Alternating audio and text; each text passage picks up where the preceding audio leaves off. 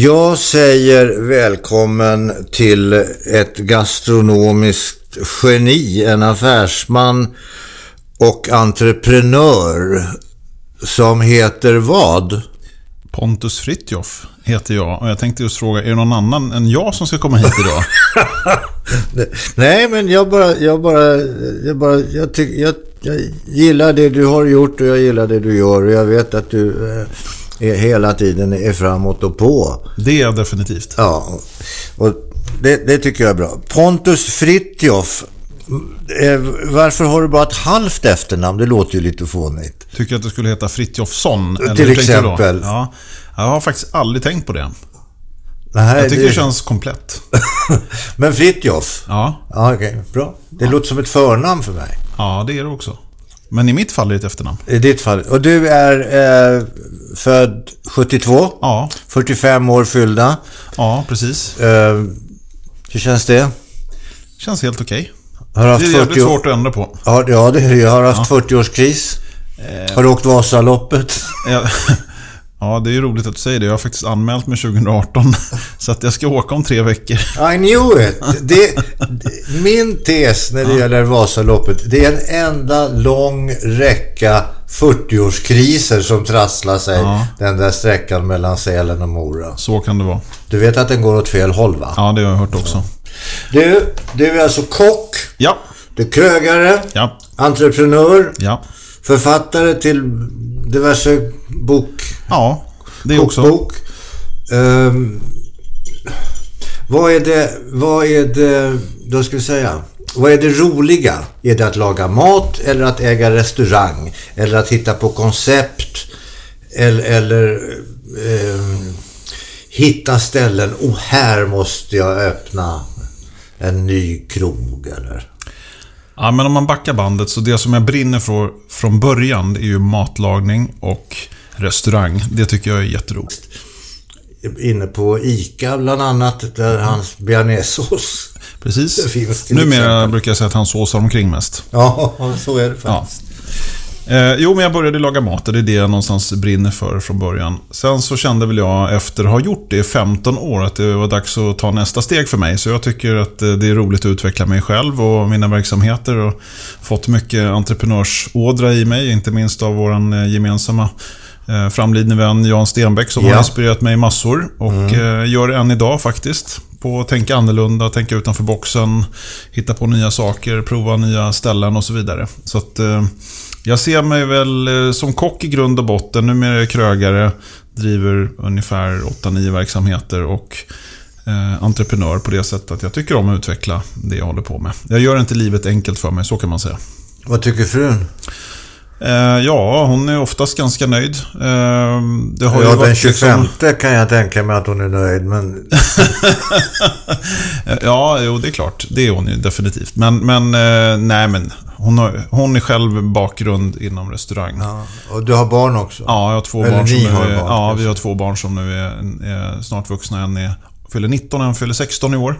Så att, eh, nej, men i och med att hon själv är från, från branschen från början så tror Ja. jag förståelsen är, är hög. Och det var nog, eh, har nog varit en bidragande faktor att det har funkat. Men, men det där med att jobba inom restaurang och, och jobba som kock eller servitör eller i kallskänken eller vad man nu jobbar. Eller diskare eller vad man nu jobbar. Det innebär ju ofta kvällsarbete. Ja, Om man inte har en lunchkrog naturligtvis. Men ofta när vi pratar restaurang så är det ju ofta kvällsarbete. absolut. Och, eh, stå i, och sen så när klockan har blivit 11 stänger köket i regel. Och sen så svabbar man av och så diskar man av och så har gästerna gått hem och så går man ut och sätter sig i baren. Farligt det där. Ja, Man står jävligt nära flaskorna alltså. väldigt nära. Mm. Har du hamnat i svårigheter? Jag har faktiskt aldrig gjort det, eh, tack och lov. Nu är det så att sen, ja, vad är det nu, 20 år tillbaks så bor jag utanför stan och kör bil till och från jobbet. Så det har aldrig varit ett alternativ för mig. Ja, nej. Så att jag har varit, eh, och jag kände nog det från början att det är ingen idé att gå in på den. Slå in Nej, nej jag, jag, jag dricker alkohol hemma eller om jag går ut på middag eller någonting sånt. Jag dricker aldrig på jobbet. Ja, men det är ju bra. Ja, men det, det är ganska bra också. För jag kan ogilla den grejen att man bland sin egen personal sitter och, och dricker alkohol. Det har inte hänt många gånger under de här Nej, nej. 20 åren. Så att för mig har det, peppar peppar, inte varit ett problem. Men det är ju många andra som är Ja, drabbade. många som ramlar, ramlar dit. Ja, det är det. Tyvärr är, är det på det viset. Det, det är också Eh, lite grann ett sätt att orka när det, det är ju ganska tungt jobb fysiskt och psykiskt. Och det blir lite grann att man behöver slappna av, tycker många. Och Jo, men det där, det, där delar ni ju med, och- det där delar ju ni med övriga artister. Ja, så att säga. så. Skådespelare, eh, musiker, sångare, dansare, vad det nu är. Ha, nu Mm. har vi haft föreställningen. Nu vill man varva ner. Ja. Nu går vi till vad det nu är. Ja. På min tid gick man alltid till Vasahov till Ja, exempel. Man bodde, jag, jag var så mycket på Vasahov så jag fick en nyckel. Ja, det är bra. Då har du varit där mycket. Då har jag varit Men du där fick mycket. inte hyresavin. Du började som 16-åring. Eh, var började du då? Ja, då började jag på Österlånggatan 17 i Gamla stan. Okej. Ja, och där eh, började jag allra, allra längst ner med att plocka in eh, rå- råvarorna. Fisk och kött och grönsaker. Fick sila fonder, jag fick fylla kylarna, fick eh, lära mig skillnad på rödlök och purjolök. Jaha, bara en Ja, sån sak. bara en sån sak kan vara bra att kunna. Ja, ja, Eh, absolut. nej, men jag är faktiskt oerhört glad för den tiden, för jag fick vara med och göra allting från grunden. Och det tror jag att man har mycket att vinna på om man ska komma någonstans, oavsett vilken bransch det än är, att man kan grunderna. Och Man går som det. lärling i Man går princip. som lärling i princip, ja precis. Men idag är inte det så, så vanligt utan lärlingstiden den klarar du av så att säga på ditt respektive gymnasium som du går på. Du går på kockgymnasium Ja, till exempel eller du går på vad det nu är någonstans. Sen är du helt plötsligt, tror du, kock. När du är sam, samtidigt som du då tar studenten. Ja, och så är det ju inte. Är det Som- ett problem det där? Det är ett stort problem tycker jag. Alla praktiska yrken lär man sig ju i regel just på att vara lärling eller praktikant och komma ut och prova på verkligheten. Det är ju oerhört svårt att bli snickare på en skolbänk eller lära sig koka en, en god sås på, på skolbänken. Det måste du vara med i verkligheten för att göra. För mina, jag har ju två söner, Erik och Felix. Och de håller ju bägge två med, med mat. De är ju bägge Ja. kockar. Men de har ju bägge gått den långa, Mm. långa, alltså börjat i hörnet skala potatis. Ja. Och, och sen fick man möjlighet att skala morötter Ja, om man hade skött sig. Ja, ja, då vet man att man har kommit en bit. Ja, de har kommit flyttat upp en bit. Eh, är det viktigt det där, du säger, eller du tycker att det är viktigt att, att alla ska kunna, all, att man ska kunna allting, att man införstådd i att ett restaurangkök består utav många stationer, eller vad vi ska kalla det. Ja, det, våran bransch är oerhört komplex. Och Jag tror att ju mer förståelse man har för alla som jobbar på restaurangen, desto bättre är det. Jag gjorde ju den grejen att efter 15 år så gick jag ut i matsalen för att testa lite hur det var. Och eh, från att man har tyckt att eh, de här transportarbetarna på andra sidan luckan som bär mat eh, mest jobbiga i vägen så har man ju förstått att eh, det det handlar om mot gästen är ju faktiskt att ge dem en väldigt bra upplevelse. Ja. Och då handlar ju eh, väldigt mycket om vilken typ av service du kan ge och, och servispersonalen är ju oerhört viktiga. Du, är det svårt att få tag på personal? Det är väldigt svårt att få tag på personal och det är svårt att behålla personal också. Ja, för din läromästare Lallerstedt lär ju ha sagt att idag går det inte ens att få tag på dålig personal. Det är en, en Eriksklassiker faktiskt. Den, eh, jag tror han sa den för tio år sedan och den, den är mer aktuell än någonsin skulle jag vilja säga. För det, saken är ju inte den att, det inte går, att, du, att du inte får tag på personal. Utan det är ju det att personalen, ett vill jobba svart, två ska åka till Bali om ett halvår. Ja, eller om två veckor. Ja. Eller om ja. två veckor. Ja, nej men så är det. Det är, det är en helt annan inställning på, på personalen idag. Sen finns det ju självklart undantag. Eh, som är oerhört dedikerade, fantastiska människor som har en enorm ambition. Men eh, om man tittar på stora delen av den skaran som söker sig till vår bransch så är det inte alla som har samma värderingar som jag själv hade när jag var i den åldern, så kan vi säga. Diplomatiskt. Ja, det var ju väldigt diplomatiskt. För jag, jag, jag tror att det är nämligen precis tvärtom. Om du inte har en jävla tur och, och, och träffa på det någon otroligt ambitiös person. Absolut. Du- det finns sådana också, tack och lov.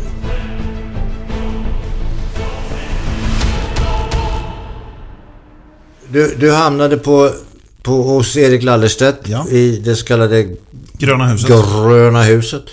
Eh, som 16-åring. Ja. Men, och skala potatis i, i hörnet och fick bära in diverse och lägga på hyllorna. ja. Åkte du utomlands någonting? Ja, sen var jag i Paris i ett och ett halvt år. Jag var i Bryssel eh, ett par månader. Eh, I Paris så jobbade och i Bryssel gjorde jag praktik. Jaha. Och i Paris så startade jag också en liten privat cateringfirma tillsammans med en kompis till mig. Jaha. Eh, Min första, enda och sista svarta verksamhet. Oerhört bra för lönsamheten kan jag rekommendera. Att, Att jobba helt svart. jo, men eh, nu, nu ska vi inte förorda det. Däremot så vet jag att, att eh, och det har påstås det i alla fall, att lite svarta pengar är bra för den totala ekonomin. Det är det säkert, men eh, sen 99 när jag startade min första verksamhet har det varit uteslutet från första dagen. Och vi, trots det så får vi faktiskt förfrågningar emellanåt från, från framförallt inom cateringdelen. Att finns det möjlighet att betala en del svart och så vidare. Men, men vi har sagt från början, inte en krona. Nej, nej, nej men det är väl okej. Eh, Men du, det där med dricksen då? Ja, Eh, när jag då betalar, eh, ja vad kostade det här? Ja det kostade 358 kronor. Och så tänker jag, ja men då kan väl jag betala 390 kronor då. Så att jag betalar alltså 38, 32 kronor eller vad jag, om jag nu räknar rätt, i dricks. Vart går de? det är lite olika på olika ställen. Eh, Inom vår koncern har vi gjort så att vi eh, splittar den på hela personalstyrkan. Okej. Utom de som eh, är delägare då. Så att jag får ingenting. Utan det får min restaurangchef och neråt får del av dricksen. Och då delar man den proportionerligt efter arbetstid. Jaha, men egentligen så är det ju din slant det där.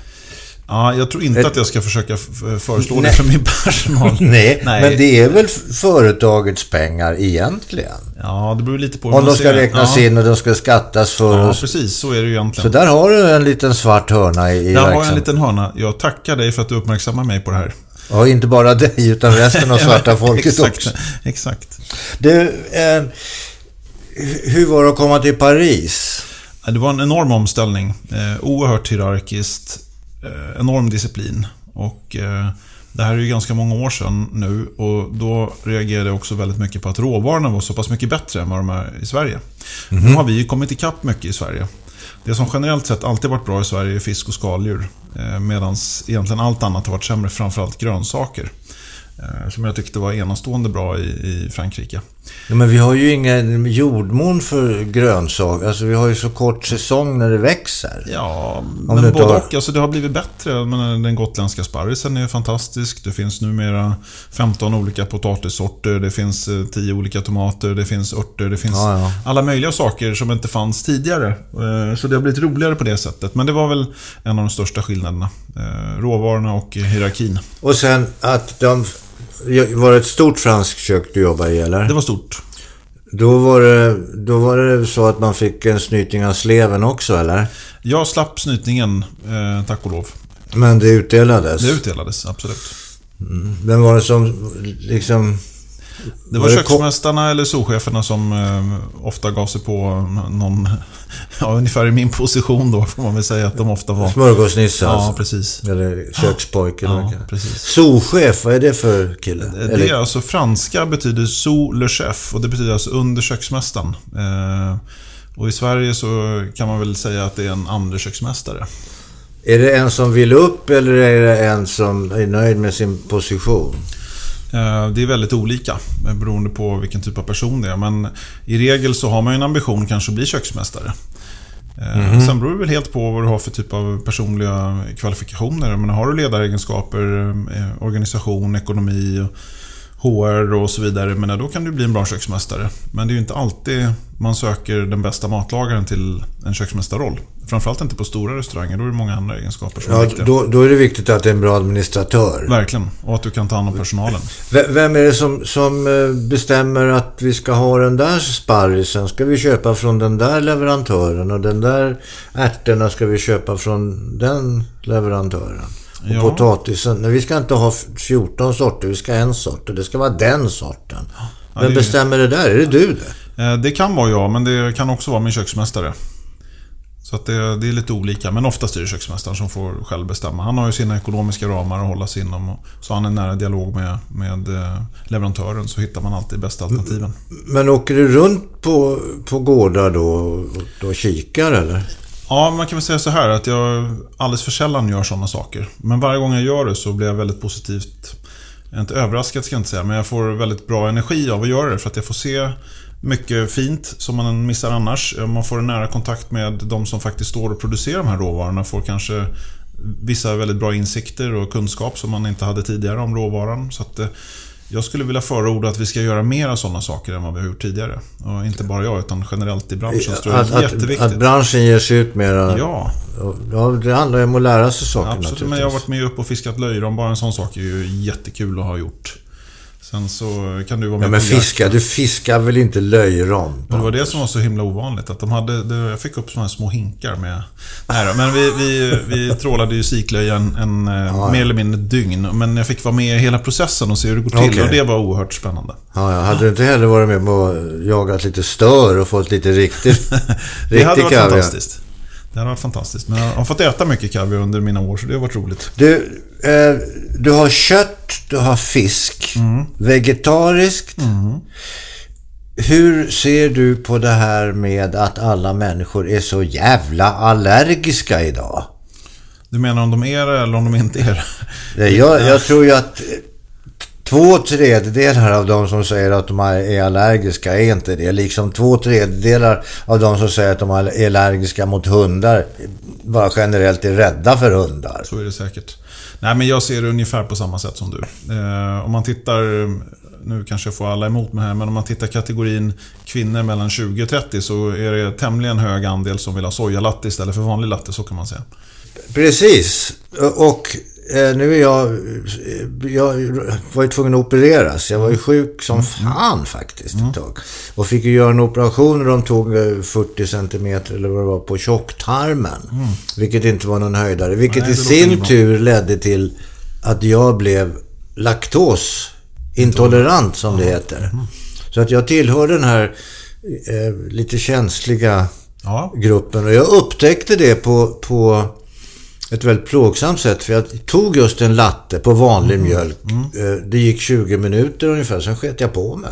okej, det låter sådär. Det var så där. Ja. Och jag gjorde det två gånger och sen såg jag sambandet. Det var ju skönt ändå att inte gick med två gånger. Sen, sen, eh, så att, okej, sen är ju väldigt många människor, eh, vad heter det, glutenintoleranta Intoleranta också. också.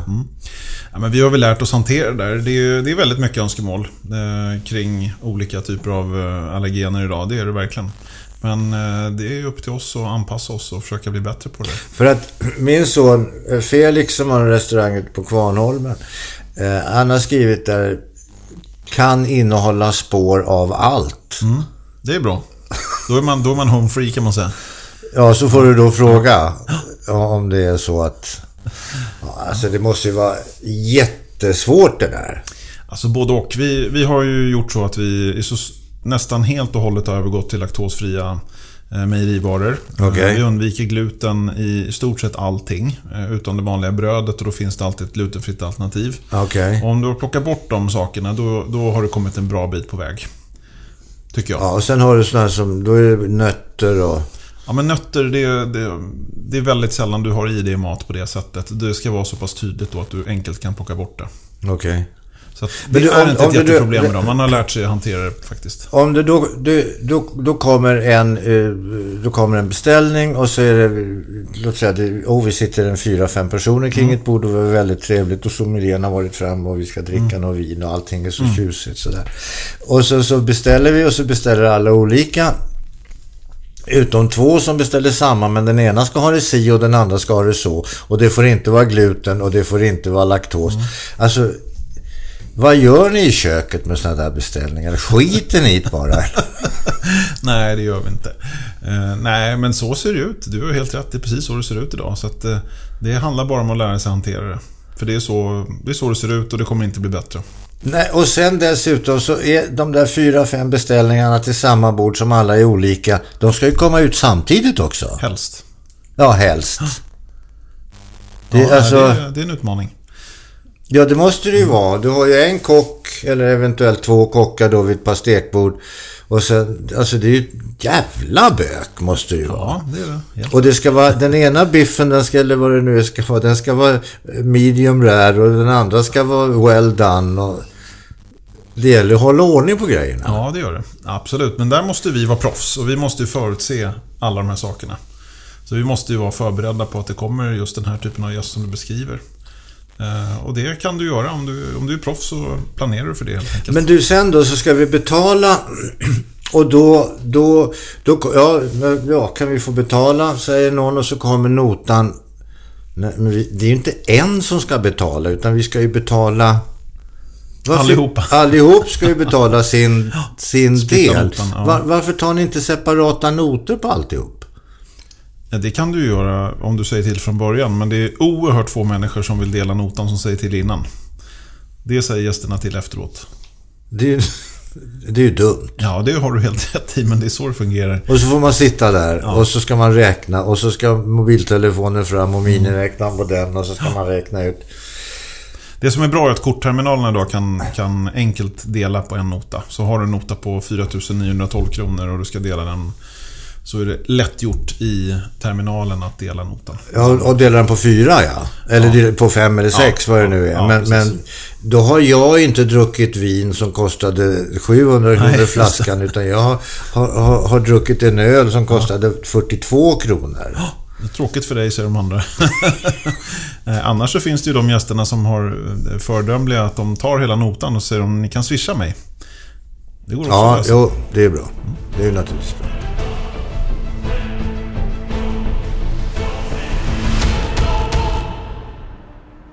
Du, eh, vad har du för restauranger idag? Eh, Ja, det är, en, det är en, en liten skara bland restauranger, men den som jag oftast framhäver mest är ju den satsningen som vi gjort ute på Arlanda, på Terminal 5. Pontus in the Air heter den. Just det. Den Det har jag varit faktiskt. Vad trevligt. Ja. För två år sedan öppnade vi knappt. eh, Och det kom sig lite grann av att jag identifierade Arlanda som en spännande plats. Det är det första och det sista man ser av Sverige många gånger. Det är en plats där eh, det inte finns speciellt bra gastronomiskt utbud sedan tidigare. Servicenivån är inte jättehög. Dyrt som fan. Dyrt som fan. Nu eh, finns det ju bakomliggande anledningar till varför det är dyrt, som jag nu har fått reda på. Eh, Det är ju till exempel, dels har man en ganska hög hyresnivå på en flygplats. Sen har man eh, en annan tillkommande kostnad och det är att ligga på airside som vi gör, alltså efter säkerhetskontroll. Ja. Är en väldigt mycket fördyrande faktor när det gäller att anställa personal. Jaha. Eh, Det är försvårande också gällande råvaror. Du kan inte välja vilken leverantör du vill utan du måste ha säkerhetsgodkända leverantörer. Och Aha. det är dessutom inte alla som ens kör till Arlanda för att de tycker att det ligger för långt från partihallarna och så vidare. Så att, eh, Ja, ja. Eh, Det är mycket baksidor också, men det finns också enormt mycket framsidor. Så att, eh, jag är väldigt glad att få finnas där ute. Men, men sen har du, vad heter det, Ateljé Ateljé 23, det ena huset. 23? Vilket hus? Eh, Det ligger alltså i DN-skrapan allra högst upp. Just det. Och sen så i huset bredvid så har vi en lunchrestaurang som heter Tidningshuset by Pontus. Varför heter allting Pontus? Ja, Det är faktiskt också Stenbecks fel från början. Jaha. Ja, för att vi hade en, en annan idé på namn på Pontus in the Greenhouse. Och eh, då kom han och så sa han att det ska heta Pontus in the Greenhouse. Och sen så var det slutdiskuterat. Och, eh, Ja, det var ju ofta det. Ja, men jag, Ja. jag är väldigt glad för det i efterhand. Eh, Han hade en bra poäng. Som han ofta också hade, får man ju...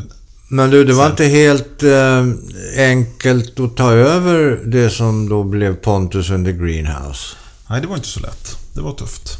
Vad var det som var tufft? Eh, det som var tufft var att jag tog efter Erik Lallerstedt då, som var en av Sveriges mest kända eh, kockar och krögare. Eh, med det stammisklientelet som han hade, den goda renommén och så vidare. Så kom jag in som 26 år gammal, tar efter Erik och Första månaden så tappade jag nästan halva omsättningen. Jag tappade några i personalen och jag tappade då oerhört många stamgäster.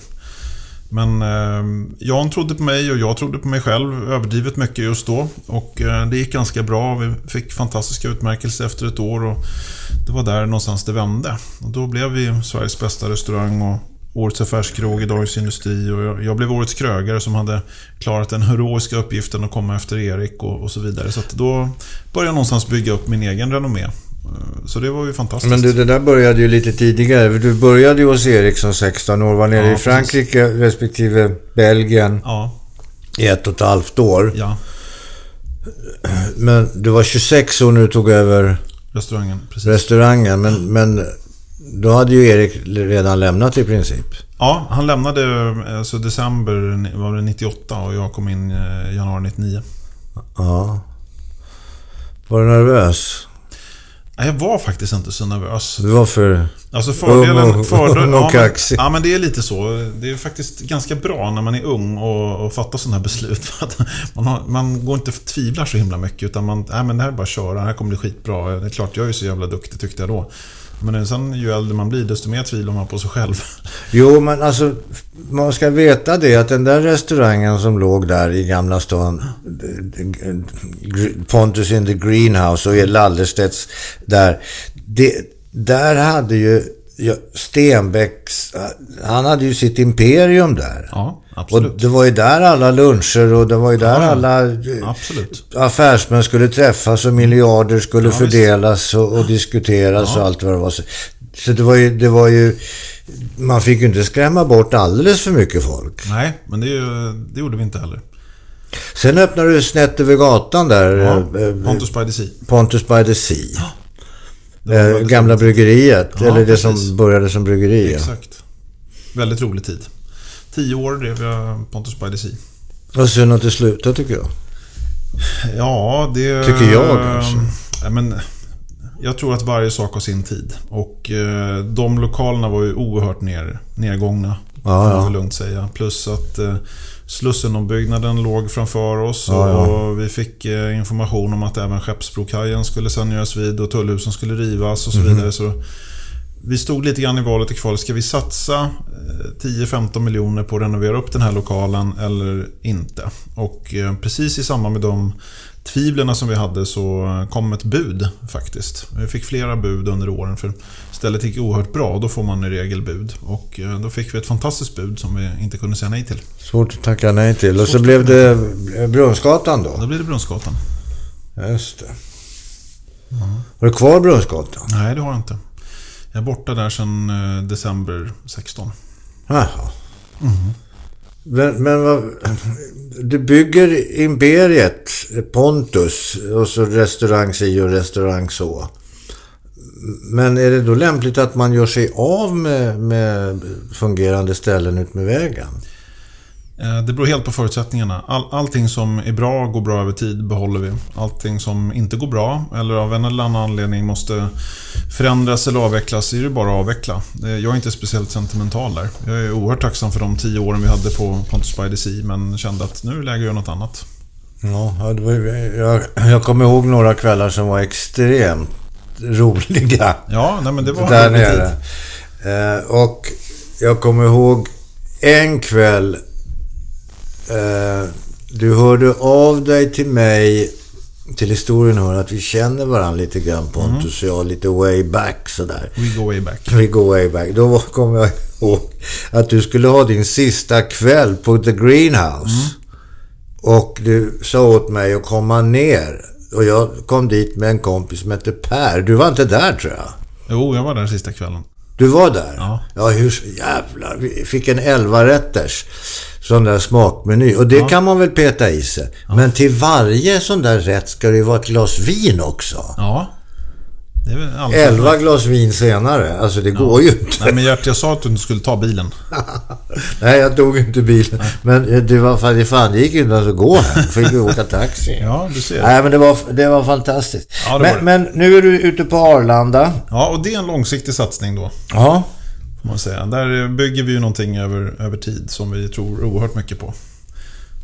Jaha. Eh, varför det? För att det, det, därför att man måste gå dit eller? Nej, men det är Alltså jag menar att man måste gå dit, men det finns inte så många alternativ. Ja, men när man är ute på Men, men jag gillar ju platsen. Jag gillar generellt flygplatser. Eh, av den anledningen att de flesta som är på flygplats är på väg någonstans och är ofta på väldigt gott humör. Eh, framförallt alla privatresenärer är ju alltid på gott humör. Och när du har lämnat ditt bagage och checkat in, då har du semesterplånboken och semesterhumöret. Och då vill du gärna börja med en god frukost eller lunch, och ett glas vin eller en öl. Så gör de gärna det hos mig. Eh, Affärsresenärerna som är skittrötta på att resa, de tycker att det är som en oas att komma upp till oss och sitta där i lugn och ro. Okej. Få bra mat och bra service istället för kanske lite sämre mat och dyrt. Så tycker Ja, man ja. att, det, att vi erbjuder ett bra alternativ. Okej. Och jag känner att det här är... Jag tycker om restauranger som är öppet 365 dagar om året. Där det alltid händer någonting. Frukost, lunch och middag. Mycket roliga människor. Mina gamla greenhouse-stammisar kommer dit. Jag har mycket kändisar, mycket artister, Mm. mycket sportkillar. Ja, men det är jätteroligt. Jag gillar stället. Vad, vad, vad är det som driver dig då? Alltså, vad, vad, eller omformulera frågan. Vad har du för inspirationskälla? Jag har många inspirationskällor. Om man tittar rent matmässigt så, så finns det ju en del kockar internationellt som jag har som förebilder. Jag har även några svenskar som jag tycker är oerhört duktiga. Eh, rent entreprenörsmässigt så är Jan Stenbeck en jättestor förebild för mig. Eh, liksom Sven Hagströmer som jag också haft förmånen att jobba med några år som är också en, en enastående person. Eh, sen finns det konceptmakare som är jätteduktiga. Jag tänker Melker Andersson med allt han har byggt upp i, Sverige med F12-gruppen och Vigårda och så vidare. Han är eh, extremt skicklig så att jag, jag plockar nog förebilder från många branscher, inte bara min egen. Men, men äh, är, är, är ditt varumärke eller, eller har du någon, någon slags specialitet? Eh, hur ska jag formulera det då? Nej, men jag, jag förstår lite vad du. Lallerstedt har ju sin sås, om vi säger så. Ja. Vad har Pontus Fritiof? Ja, men för, för oss är det nog... eh, Det är, det är den personliga touchen. Att, eh, precis som du sa innan, att mitt namn finns med i mina verksamheter. innebär också att det finns en förväntan att träffa mig på dem på ett eller annat sätt. Ehm, jag är själv med och sätter alla mina koncept, alla mina menyer jag är med och sätter. Även mina köksmästare har en stor delaktighet så gör de det alltid innan, innanför mina ramar som jag någon gång har angett eller är med och, och vårdar om man säger så. Ehm, sen försöker vi göra eh, en personlig verksamhet där det finns en värme och ett engagemang, generositet och så vidare. Det tycker jag är jätteviktigt. Jag är inte så jättemycket för konceptkrogar på det sättet att de blir väldigt osexiga. Det finns liksom ingen själ, ingen hjärta bakom. Och det är nog någonting jag har fått ärva lite grann av Erik, att det måste finnas ett hjärta bakom i alla restauranger. Eh, Det kanske inte blir de mest lönsamma och så vidare, men det blir i regel alltid de trevligaste restaurangerna, de du vill komma tillbaks till och det tycker jag är viktigt. Det, det, det här med, med, med hjärta och smärta, det, jag uppskattar ju det jättemycket på, på en restaurang. Och, man upplever ju det om man går på, och det gör, spelar egentligen inte på vilken restaurang du går till, men om du går dit många gånger, så du blir så kallad stammis. Just det. Då, då, då får du ju, då kommer du ju in, då blir du ju liksom en del av restaurangen på något sätt. Ja. Men att hitta det och finna det när man kommer direkt första gången. Alltså det är inte så lätt. Nej, det är inte lätt. Och hitta den personalen som Jättesvårt. kan eh, liksom bara som att nästan bjuda in dig till sitt hem. Håller med. Nej, det är jättesvårt. Och det är ju en enorm utmaning när man idag driver så många verksamheter som jag gör. Det är största utmaningen. Det är personal. Ja, för du måste ju ha massor av kockar, du måste ha massor av serveringen, Ja. du måste ha många hovmästare. Ja. Är det slagsmål om hovmästare? Och, Slagsmål om alla idag. Är det. Det är så? det är att citera Erik då. Det är till och med slagsmål om dålig personal. Aha. Nej, men lite så är det faktiskt. Det är, det det är tufft, men man får ju också tänka annorlunda. Det är det som är lite intressant. Det finns ju vissa restauranggrupper i Stockholm som, som ger enormt bra löner. Och det är en väldigt kortsiktig lösning eftersom marginalerna i vår bransch är ungefär 2,5%. Så finns det inte så mycket marginaler. Eh, då handlar det om att man får bygga en bra kultur i företaget och få folk att trivas och tycka att det är kul att gå till jobbet av en annan anledning än just lönen. Så det tror jag är någonting som många, inklusive jag själv, har fått fundera mycket på de senaste åren. Men idag, idag ska ju folk tjäna så mycket som möjligt på så kort tid som möjligt. Och så ska de helst eh, vabba också Ja. under tiden. Ja, alltså det stämmer. måste ju vara hopplöst. Och, och går man inte med på det då blir man stämd för då har höga vederbörande blivit kränkt också. Mm. Jo, men lite så är det.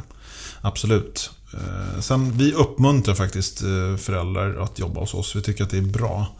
Eh, Framförallt killar som har fått barn får ju en helt annan mognad. Och vi ser det som en av de bästa ledarskapsutbildningarna man kan gå. Det är att vara hemma med barn.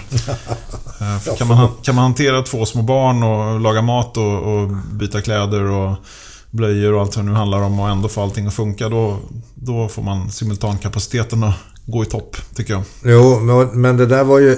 i Steget innan där fanns ju tidigare, nämligen när killarna gjorde värnplikten också. Ja, just det. De lärde sig att bädda sängen, de lärde sig att städa, de lärde sig att nu är det de här kläderna som gäller just idag. Och alla andra kommer också ha likadana, så det finns ingen anledning att liksom klippa hål på byxorna Nej, och, och ha för korta byxben och allt.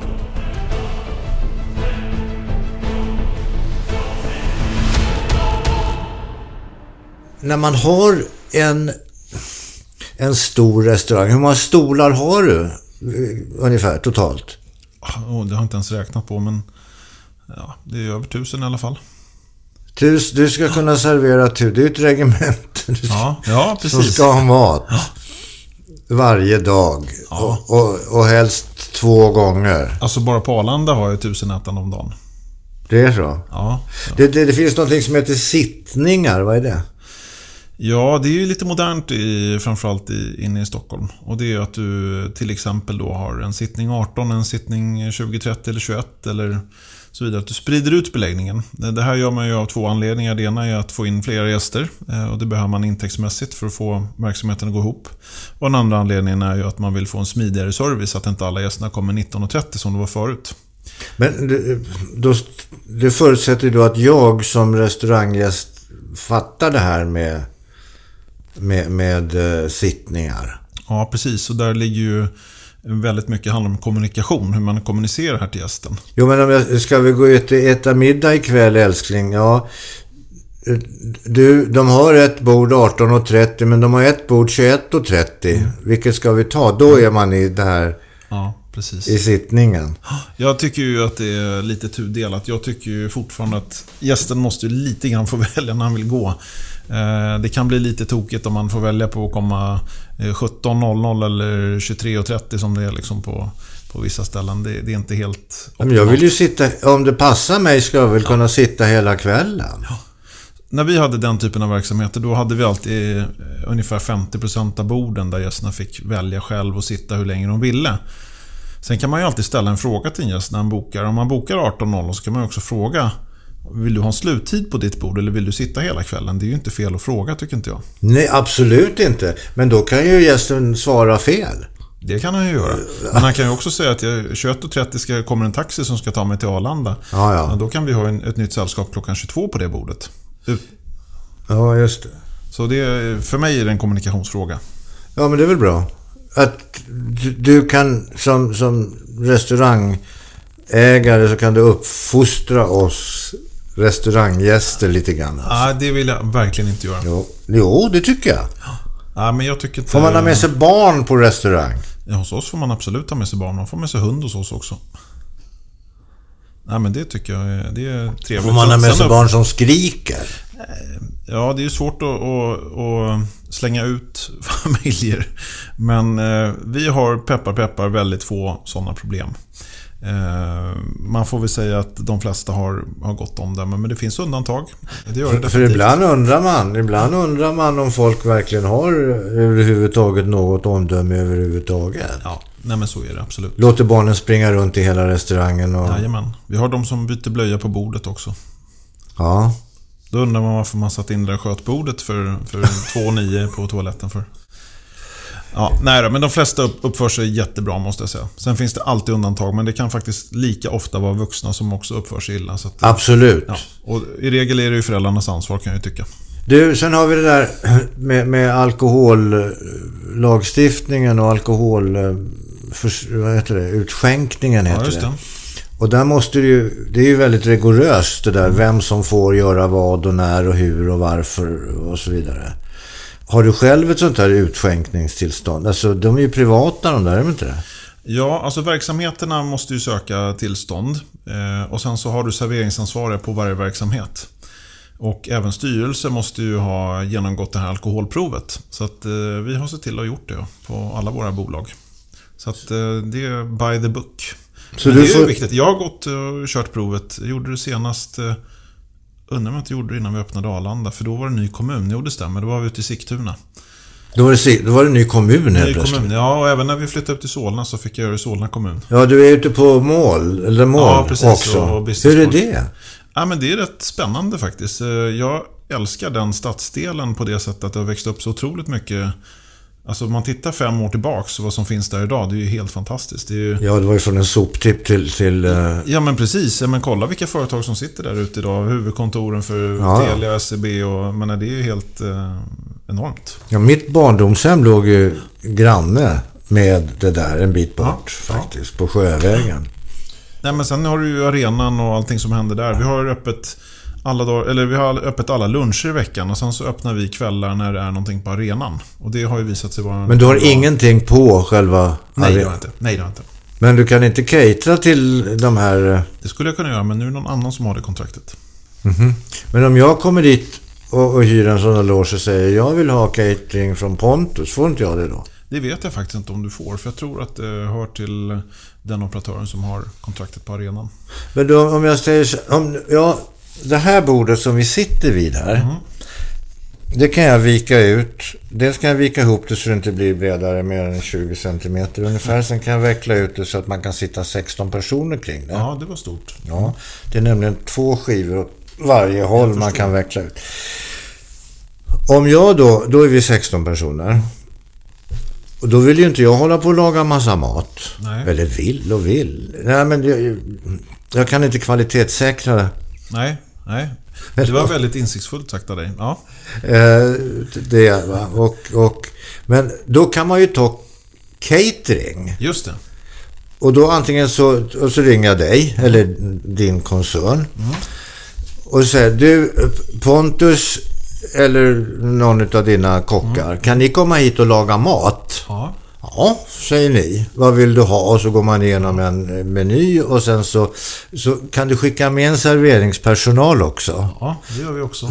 Så går det också bra. Du tar med porslin också. Jajamän. Du tar med alltihopa. Det kan du få precis vad du vill. Allt ifrån saltkar till brutna Jajamän. servetter. Och... Absolut. Är det dyrt? Ja, det är ganska dyrt. Eller beror på hur du ser det. Alltså, dyrt eller mycket pengar kan ju vara två olika saker. Absolut. Och i det här fallet så tycker jag att det är mycket pengar. Därför att många tror att det kanske blir billigare att ta catering hem än att gå ut och äta på restaurang. Men i regel så är det tvärtom. Att det, det kostar mera och ta hit catering. Därför att den kocken och den servitören som ska jobba här hemma, han har inga andra gäster samtidigt. Han har bara dig.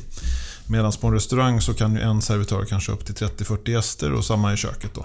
Så att det blir lite dyrare helt enkelt. Sen är det transporter och sånt som tillkommer också. Ja. Men vad, tr- vad tråkigt. Ja, det är lite tråkigt. Nej, men, därför att jag, jag, jag, skulle, jag älskar att ha folk hemma. Jag älskar middagar. Jag tycker om att sitta länge vid ett bord och, och, och eh, ma- ha ätit mat och, och dricka och ha det gött och sådär. Men sen ska man ut i köket och ränna hela tiden. Det är ju inget... Det är inget roligt. Nej, vad fan, då finns det ju personal. Ja, och då kommer vi hit och så fixar vi allting. Och vi diskar och tar grejerna härifrån. Och det är renare i köket än när vi kom. Jo, men det vet jag. Ja. Det vet jag, för där har jag också söner som är kockar. Det, alltså, när man, om de kommer hit och lagar mat, sen när man sätter sig, då är det så rent i köket som det aldrig har varit. När, när man väl sätter sig.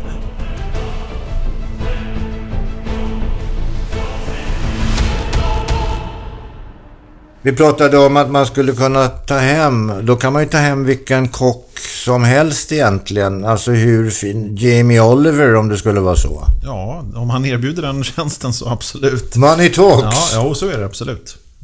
Nej, men det här är ju... Vi, vi har ju ett företag som bara jobbar med det här. Med catering. Ja, Pontus Catering har, har funnits sedan 2001. Har du fått frågor att åka ut och stå och koka också? Ja, oh ja, det gör jag flera gånger per år. Vad roligt. Det är jätteroligt. Du, jag var en gång på en tillställning som var en cateringtillställning nere på Skeppsbron. Eh, Kinnevik 75 år. Ja, den gjorde vi. Jo, jag vet att ni gjorde den. Det var ju helt fantastiskt. Eh, det var... Vad var vi? 200 gäster va? 400 gäster? 400 gäster. 400 gäster. Eh, ja, det var 200 med respektive, det var så det var. 400 gäster. Eh, man hade byggt upp eh, tält som inte såg ut som tält utan på utsidan. Det såg ut som, jag vet inte vad. Det var ju hur flott som helst. Ja, det var verkligen. Och sen så skulle maten serveras. Då kom ju all mat till dessa gäster samtidigt. Alltså det kom ju, det var ju varm mat som kom samtidigt till 400 personer. Hur fan löser man sånt? Det är ju en logistikutmaning som är enorm. Eh, vi hade ju byggt upp två restaurangkök inne i det här tältet och serverade ju maten från två olika håll. Och sen hade vi ju oerhört mycket personal. Eh, och sen handlar det om eh, väldigt mycket hur du skriver menyn. Alltså, förrätten var ju kall till exempel. Så den går ju att lägga för allihopa. Sen är det varmrätten som är kritiska momentet. Men då hinner inte servisen bära fortare än vi hinner lägga fler tallrikar. Så det, det gick väldigt, väldigt fort att få ut den maten. Ja, det gick... Alltså det var helt obegripligt fort. Man kände, det kändes ju ungefär som att man hade en egen servitör. Ja, nej, men det var ju tanken. Det var ju ett oerhört, oerhört påkostat arrangemang på alla sätt. Ja, det var det. Ja, det var fantastiskt att vara där faktiskt. Det var min eh, då högra hand, Andreas Wadlund, som höll det här arrangemanget från vår sida. Som, han är expert på att få sånt här att funka. Oerhört duktig Ja, och det funkar. Ja, det funkar Det var fantastiskt. Du, har du gjort några misstag då? Absolut. Eh, jag har gjort många misstag genom åren. Något sånt där som grämer dig än idag? Ja, det kan väl vara... Jag förstod ganska tidigt att jag behövde bra folk runt omkring mig. Eh, det var jag duktig på att fatta. Men jag var inte så jävla duktig på att fatta att jag skulle lyssna på vad de sa också. Utan jag tyckte först, jag skaffar mig bra rådgivare men sen så gör jag ju ändå som jag själv vill för jag kan ju ändå bäst. Aha. Så sådana saker har jag gjort några gånger och gjort lite missar med hyresavtal och lite annat som har blivit dyrt mm. och krångligt. Eh, jag har gjort, gått fel många gånger på personal. Det har varit eh, tufft. Gått fel på? Du har anställt? Anställt fel personal. Jag har inte ringt referenser tillräckligt noga. Jag har inte sett signaler tillräckligt fort och så vidare. Så det har varit mycket sådana saker också under åren. Men peppar peppar, det mesta har gått eh, ganska bra.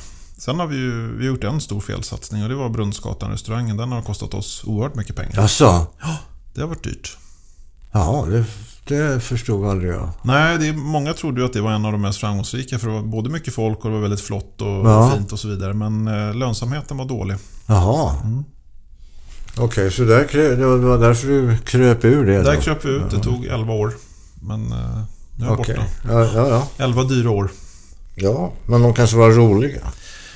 Eh, ja, om jag ser med facit i handen så skulle jag nog ha dragit i handbromsen betydligt tidigare. Så kan man väl säga. Mm, jo, jag, det var ett dyrt, jag, dyrt misstag. Jag känner igen det där. Du, vad är, vad är, om du ser, vi vänder på kuttingen då. Det, det bästa, mest oväntade bra. Vad har hänt? Jäkla komplex fråga egentligen. Alltså det är nog... Fortfarande är det nog eh, glädjen att få nöjda gäster. Alltså det är så enkelt. Det, det tycker jag är så roligt. Om det kommer en vanlig barnfamilj som sätter sig ute hos mig på Arlanda och så beställer de in mat och sen så blir de så här Fan vad bra det var. Det tycker jag är skitkul. Det tycker jag är...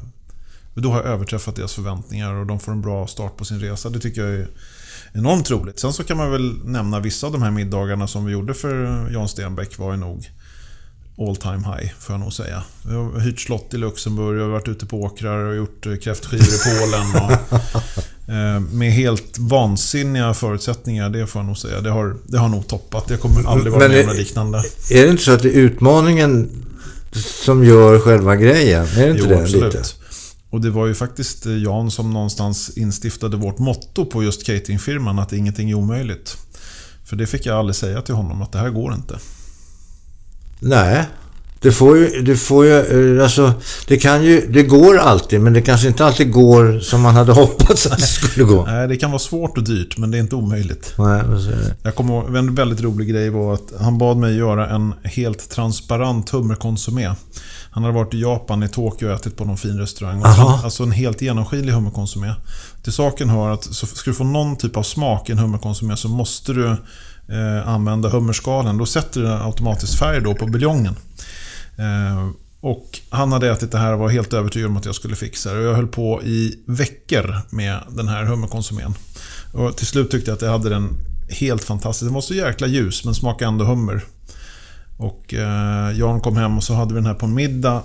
Det var tillsammans med faktiskt just störrom eh, och någonting annat också. Om det var färskpotatis och eh, några färska vårprimörer, och sparris och så vidare. Så var den här transparenta hummerkonsumén och det var till 80 personer och sen så serverade vi när jag var supernöjd och Jan kom och sa att den var ju extremt god. Men den var ju inte transparent. Han ville ju ha den som vatten.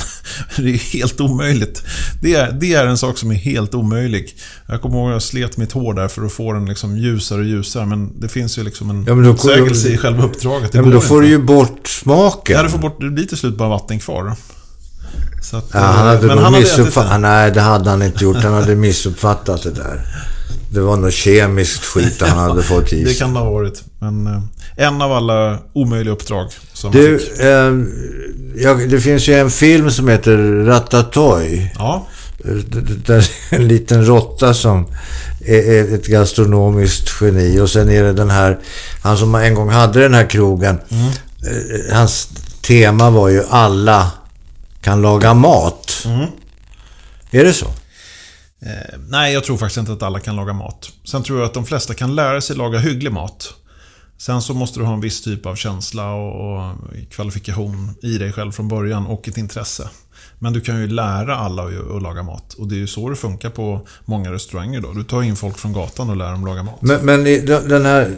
Jag är ju själv ingen...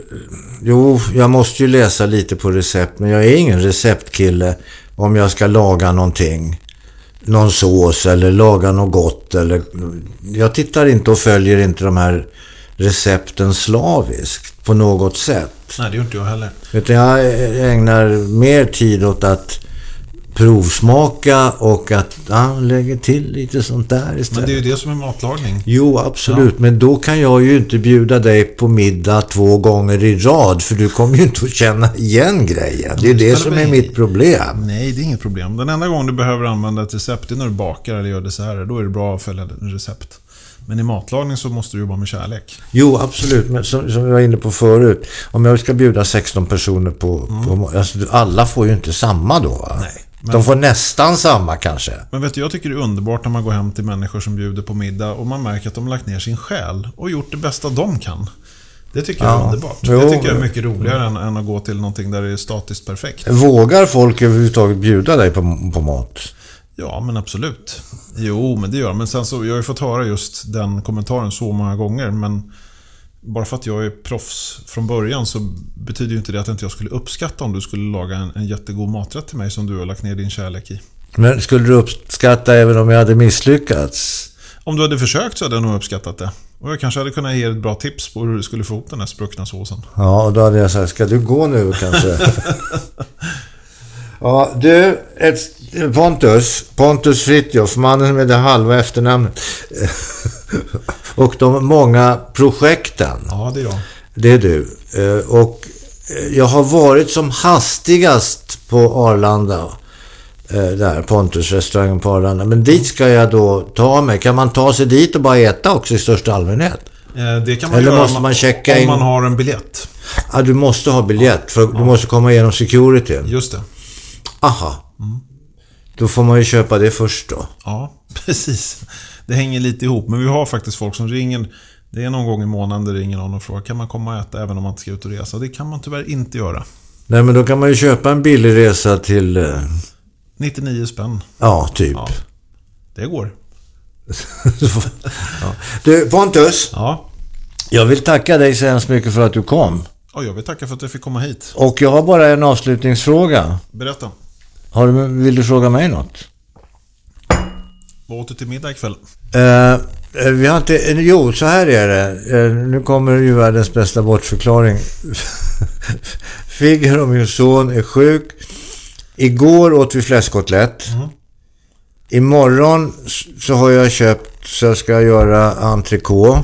Gott. Och uh, ja, med sån här klyftpotatis som man bara stoppar in i ugnen. Man kan göra lite rotfrukter, det är ju så jävla modernt också. Mm. Det blir imorgon. Mm. Så idag så har det blivit eh, sån där man köper sån här pasta i påse. Ja. Som är stoppad med lite ja, allt med parmaskinka vad det var. Jo, det är jättebra att ta tre minuter. Mm. Eh, och så får vi ta te och macka lite senare. Ja, men det kan vara trevligt. Det är jättetrevligt. Ja, det fick du. Är du nöjd? Jag är nöjd. En sak, en sista, sista grej. Eh, när får jag komma och kvalitetssäkra ditt kök? Inte hemma då i Sollentuna, där, där du bor, utan jag menar... Alltså jag bor i Bromma men, men Jaha, du får gärna för- komma när du vill. Bara vi bestämmer tiden i förväg. Eh, Och jag ser fram emot ditt besök. Okej, ja jag kommer. Ja, jag vet, att, jag vet att det är alltid skittrevligt på dina ställen. Tack. Så jag kan bara rekommendera lyssnarna att, att uppsöka också. Och framförallt ni som är ute och flaxar och far. Gå då på Pontus in the Air. På Arlanda 5. Bra idé. Vet du vilket som är Arlanda 1? Nej! Terminal 1. Vet du vad det är? Nej. Bromma. Jaha, heter det så? Ja, det är därför inte ettan finns. är där ute i det komplexet. Det är, femman. det är Ja. tvåan, trean, fyran, femman. Ja, där ser man. Ettan i Bromma, enligt Luftfartsverket. Du eh, Pontus, eh, du ska gå in eh, på, på, på Gertsvärd och så ska du följa den här på Facebook och Instagram och allt Ja. vad det är. Och så kommer det bli lite snygga bilder från dig eh, och från din verksamhet och så. Stort tack för att Tack du snälla. kom, sträcker handen över Tack så bordet. mycket. Kul Tack. att vara här. Tack. Ja, underbart. Tack. Roligt att ses. Trevligt samtal. Tack.